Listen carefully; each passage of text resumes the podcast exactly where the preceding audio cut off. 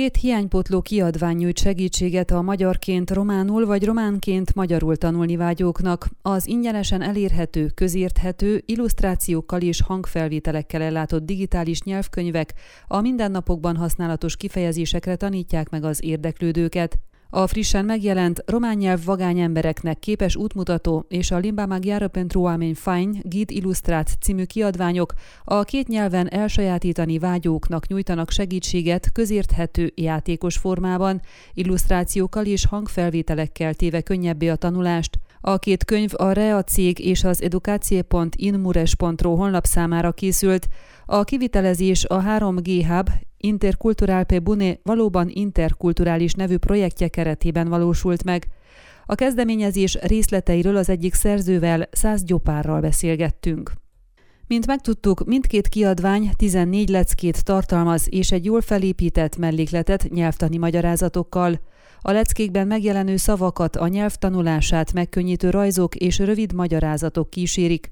Az olvasó a magyarázatok mellett a mellékletekre is talál utalásokat, amelyekben a nyelvtani szabályok egyszerűen és velősen vannak bemutatva. Minden szóhoz és kifejezéshez hangfelvétel tartozik, így a tanulók könnyen elsajátíthatják ezek helyes kiejtését is. Az egyes fejezetek felépítése az egyszerű szerkezetektől az összedettebbek irányába halad, az önálló szavaktól a szókapcsolatokig, mondatokig és párbeszédekig.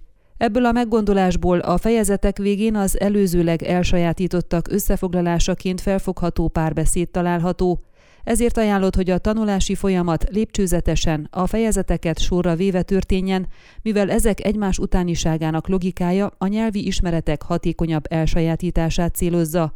A kiadványok ingyenesen elérhetőek az edukácie.inmures.ro honlap manuale tankönyvek menüpontja alatt. Egyelőre öt lecke található meg az online felületen, a továbbiakban pedig hetente újakat töltenek fel. A kiadványok azoknak szólnak, akik meg szeretnének tanulni magyarul vagy románul. Útmutatók, amelyekben a nyelvet még nem ismerők, egy barátságos tanulási móddal találkoznak, mozgalmas, interaktív alapismereteket tartalmaznak, amelyeket a mindennapok tapasztalataihoz igazítottak, Gyopár szerint, noha a kiadványok gyerekbarát módon vannak összeállítva, nem csak a fiataloknak ajánlják őket, a felnőttek számára is segítséget nyújthatnak. Barátságos, felhasználóbarát könyvekről van szó, ezért a gyerekek könnyebben magukénak érezhetik, mint egy száraz, szöveges kiadványt.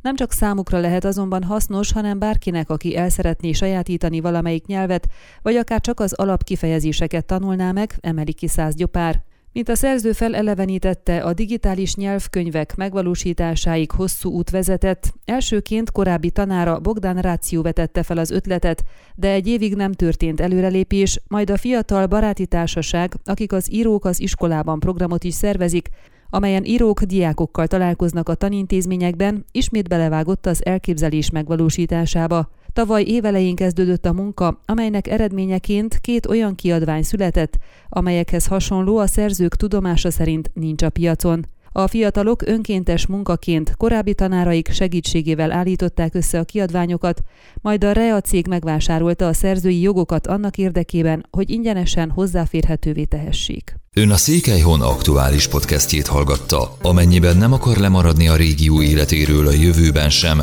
akkor iratkozzon fel a csatornára, vagy keresse podcast műsorainkat a székelyhon.pro portálon.